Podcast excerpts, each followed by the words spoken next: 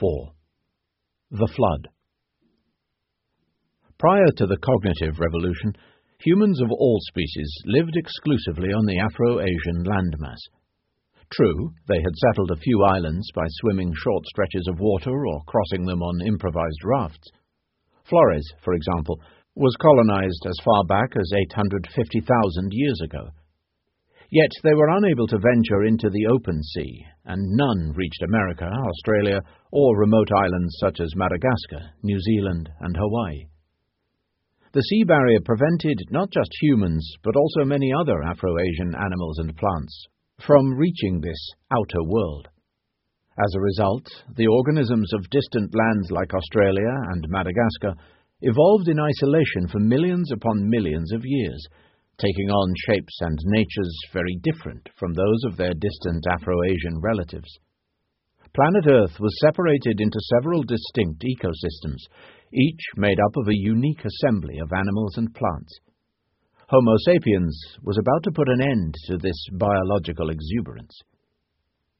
Following the cognitive revolution, sapiens acquired the technology, the organizational skills, and perhaps even the vision necessary to break out of Afro-Asia and settle the outer world. Their first achievement was the colonization of Australia some 45,000 years ago. Experts are hard-pressed to explain this feat. In order to reach Australia, humans had to cross a number of sea channels, some more than 60 miles wide, and upon arrival they had to adapt nearly overnight to a completely new ecosystem. The most reasonable theory suggests that about 45,000 years ago, the sapiens living in the Indonesian archipelago, a group of islands separated from Asia and from each other by only narrow straits, developed the first seafaring societies. They learned how to build and maneuver ocean-going vessels and became long-distance fishermen, traders, and explorers. This would have brought about an unprecedented transformation in human capabilities and lifestyles. Every other mammal that went to sea, seals, sea cows, dolphins, had to evolve for eons to develop specialized organs and a hydrodynamic body. The sapiens in Indonesia, descendants of apes who lived on the African savanna, became Pacific seafarers without growing flippers and without having to wait for their noses to migrate to the top of their heads as whales did. Instead, they built boats and learned how to steer them and these skills enabled them to reach and settle Australia. True, archaeologists have yet to unearth rafts, oars, or fishing villages that date back as far as 45,000 years ago. They would be difficult to discover, because rising sea levels have buried the ancient Indonesian shoreline under 300 feet of ocean. Nevertheless, there is strong circumstantial evidence to support this theory, especially the fact that in the thousands of years following the settlement of Australia, sapiens colonized a large number of small and isolated islands to its north. Some, such as Buka and Manus, were separated from the closest land by 120 miles of open water. It's hard to believe that anyone could have reached and colonized Manus without sophisticated vessels and sailing skills. As mentioned earlier, there is also firm evidence for regular sea trade between some of these islands, such as New Ireland and New Britain. The journey of the first humans to Australia is one of the most important events in history, at least as important as Columbus' journey to America or the Apollo 11 expedition to the moon. It was the first time any human had managed to leave the Afro-Asian ecological system. Indeed, the first time any large terrestrial mammal had managed to cross from Afro-Asia to Australia. Of even greater importance was what the human pioneers did in this new world. The moment the first hunter-gatherer set foot on an Australian beach was the moment that Homo sapiens climbed to the top rung in the food chain on a particular landmass, and thereafter became the deadliest species in the annals of planet Earth. Up until then, humans had displayed some innovative adaptations and behaviors, but their effect on their environment had been negligible. They had demonstrated remarkable success in moving into and adjusting to various habitats, but they did so without drastically changing those habitats. The settlers of Australia, or more accurately, its conquerors, didn't just adapt, They transformed the Australian ecosystem beyond recognition. The first human footprint on a sandy Australian beach was immediately washed away by the waves. Yet, when the invaders advanced inland, they left behind a different footprint, one that would never be expunged. As they pushed on, they encountered a strange universe of unknown creatures that included a 450 pound, six foot kangaroo and a marsupial lion, as massive as a modern tiger, that was the continent's largest predator. Koalas, far too big to be cuddly and cute, rustled in the trees, and flightless birds, twice the size of ostriches, sprinted on the plains. Dragon like lizards and snakes seven feet long slithered through the undergrowth. The giant Diprotodon, a two and a half ton wombat, roamed the forests. Except for the birds and reptiles, all these animals were marsupials.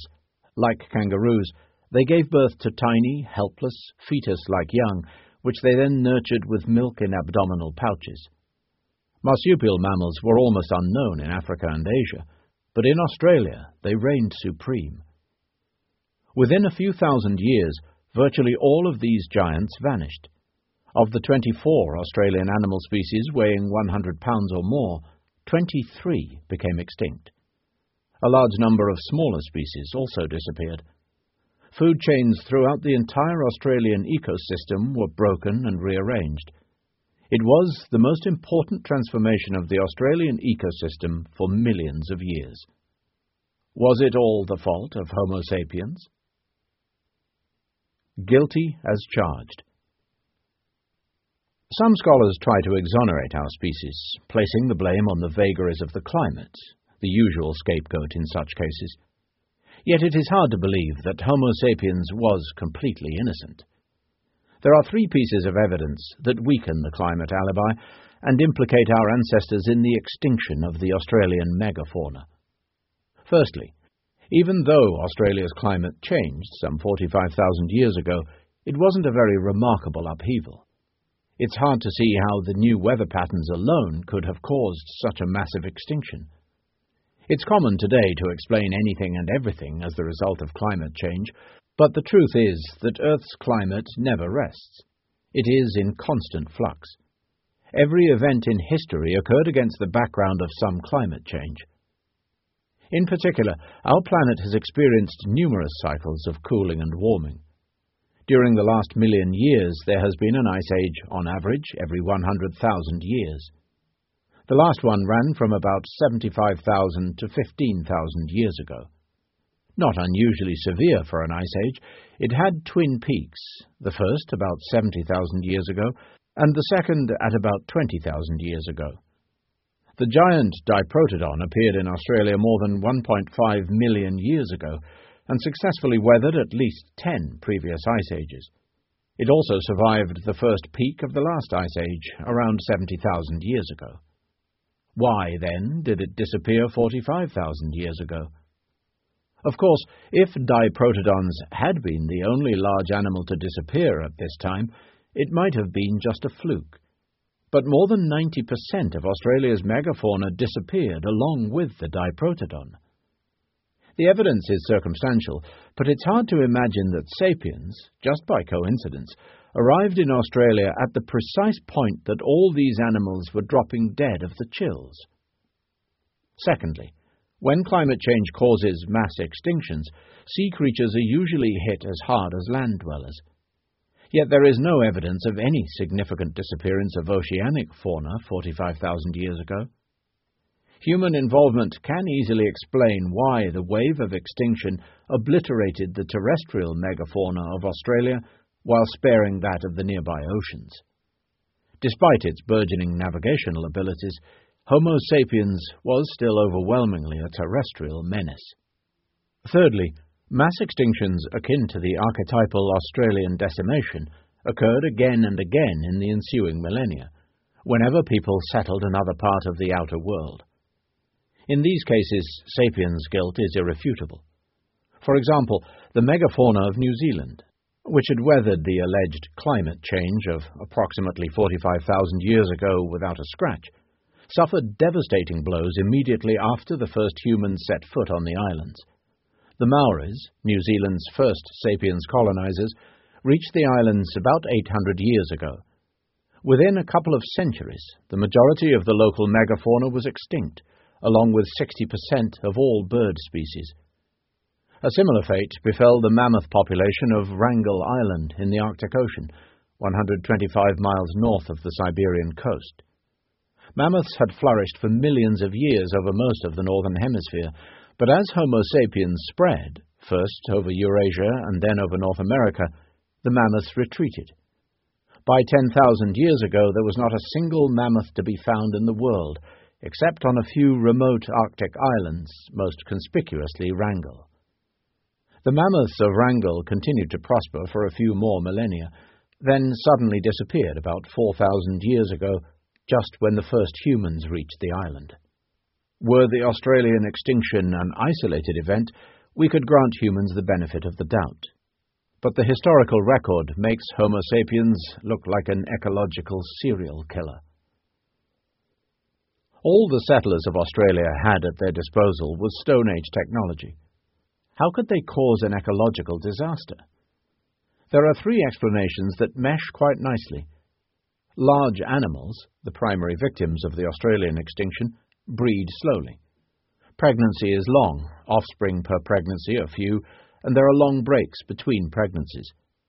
Consequently, if humans cut down even one diprotodon every few months, it would be enough to cause diprotodon deaths to outnumber births. Within a few thousand years, the last lonesome diprotodon would pass away, and with her the entire species.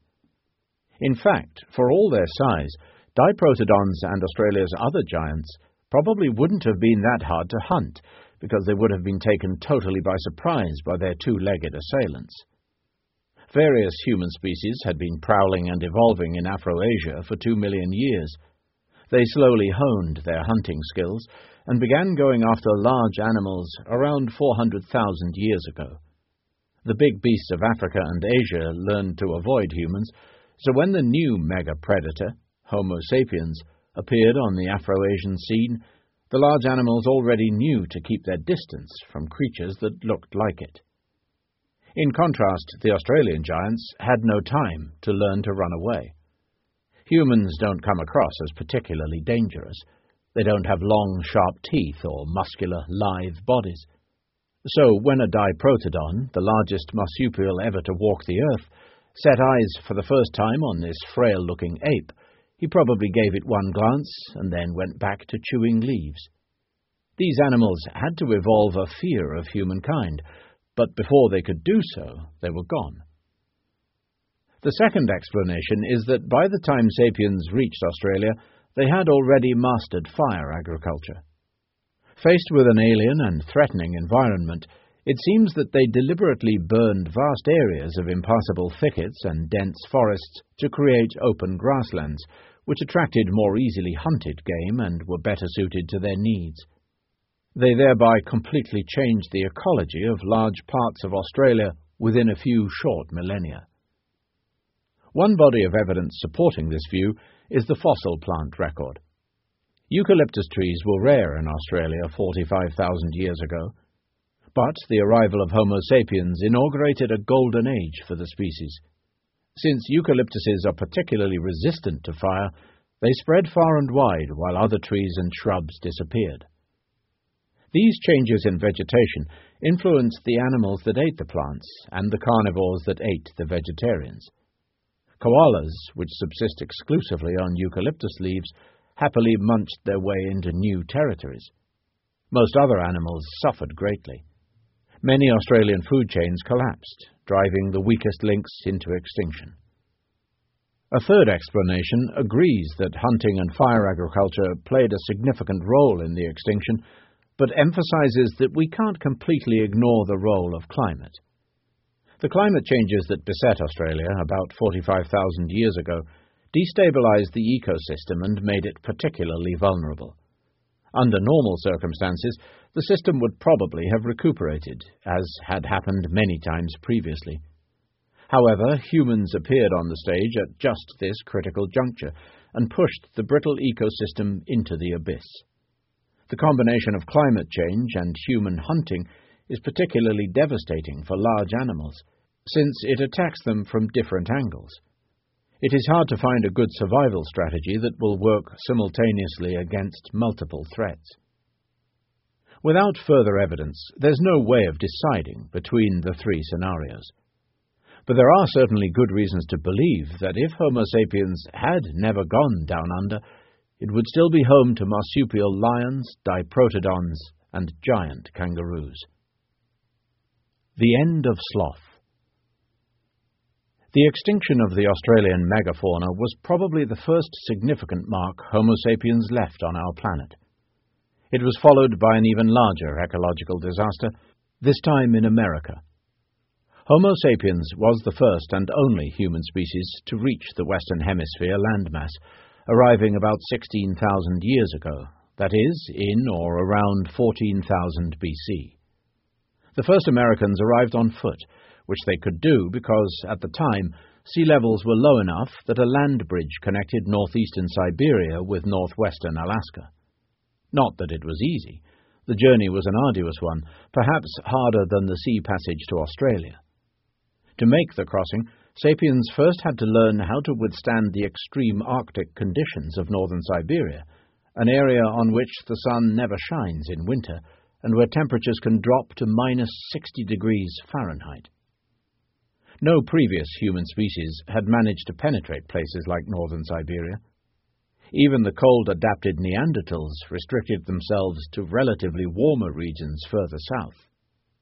But Homo sapiens, whose body was adapted to living in the African savanna rather than in the lands of snow and ice, devised ingenious solutions. When roaming bands of sapiens foragers migrated into colder climates, they learned to make snowshoes and effective thermal clothing composed of layers of furs and skins sewn together tightly with the help of needles. They developed new weapons and sophisticated hunting techniques that enabled them to track and kill mammoths and the other big game of the far north. As their thermal clothing and hunting techniques improved, sapiens dared to venture deeper and deeper into the frozen regions. And as they moved north, their clothes, hunting strategies, and other survival skills continued to improve. But why did they bother? Why banish oneself to Siberia by choice? Perhaps some bands were driven north by wars, demographic pressures, or natural disasters, Others might have been lured northwards by more positive reasons, such as animal protein. The Arctic lands were full of large, juicy animals, such as reindeer and mammoths. Every mammoth was a source of a vast quantity of meat, which, given the frosty temperatures, could even be frozen for later use. Tasty fats, warm fur, and valuable ivory. As the findings from Sungir testify, mammoth hunters did not just survive in the frozen north, they thrived. As time passed, the band spread far and wide, pursuing mammoths, mastodons, rhinoceroses, and reindeer. Around 14,000 BC, the chase took some of them from northeastern Siberia to Alaska. Of course, they didn't know they were discovering a new world. For mammoth and man alike, Alaska was a mere extension of Siberia. At first, glaciers blocked the way from Alaska to the rest of America, allowing no more than perhaps a few isolated pioneers to investigate the lands further south. However, around 12,000 BC, global warming melted the ice and opened an easier passage. Making use of the new corridor, people moved south en masse, spreading over the entire continent. Though originally adapted to hunting large game in the Arctic, they soon adjusted to an amazing variety of climates and ecosystems. Descendants of the Siberians settled the thick forests of the eastern United States, the swamps of the Mississippi Delta, the deserts of Mexico, and steaming jungles of Central America. Some made their homes in the river world of the Amazon basin, others struck roots in Andean mountain valleys or the open pampas of Argentina. And all this happened in a mere millennium or two. By 10,000 BC, humans already inhabited the most southern point in America the island of Tierra del Fuego, at the continent's southern tip. The human blitzkrieg across America testifies to the incomparable ingenuity and the unsurpassed adaptability of Homo sapiens. No other animal had ever moved into such a huge variety of radically different habitats so quickly, everywhere using virtually the same genes. The settling of America was hardly bloodless. It left behind a long trail of victims. American fauna 14,000 years ago was far richer than it is today. When the first Americans marched south from Alaska into the plains of Canada and the western United States, they encountered mammoths and mastodons, rodents the size of bears, herds of horses and camels, oversized lions, and dozens of large species, the likes of which are completely unknown today. Among them, fearsome saber-toothed cats and giant ground sloths that weighed up to eight tons and reached a height of twenty feet. South America hosted an even more exotic menagerie of large mammals, reptiles, and birds. The Americas were a great laboratory of evolutionary experimentation, a place where animals and plants unknown in Africa and Asia had evolved and thrived. But no longer. Within 2,000 years of the sapiens' arrival, most of these unique species were gone. According to current estimates, within that short interval, North America lost 34 out of its 47 genera of large mammals. South America lost 50 out of 60. The saber-toothed cats, after flourishing for more than 30 million years, disappeared, and so did the giant ground sloths, the oversized lions, Native American horses, Native American camels, the giant rodents, and the mammoths. Thousands of species of smaller mammals, reptiles, birds, and even insects and parasites also became extinct. When the mammoths died out, all species of mammoth ticks followed them to oblivion. For decades, paleontologists and zooarchaeologists, people who search for and study animal remains, have been combing the plains and mountains of the Americas in search of the fossilized bones of ancient camels and the petrified feces of giant ground sloths. When they find what they seek, the treasures are carefully packed up and sent to laboratories, where every bone and every coprolite, the technical name for fossilized turds, is meticulously studied and dated. Time and again, these analyses yield the same results. The freshest dung balls and the most recent camel bones date to the period when humans flooded America, that is, between approximately 12,000 and 9,000 BC. Only in one area have scientists discovered younger dung balls. On several Caribbean islands, in particular Cuba and Hispaniola, they found petrified ground sloth scats dating to about 5000 BC. This is exactly the time when the first humans managed to cross the Caribbean Sea and settle these two large islands.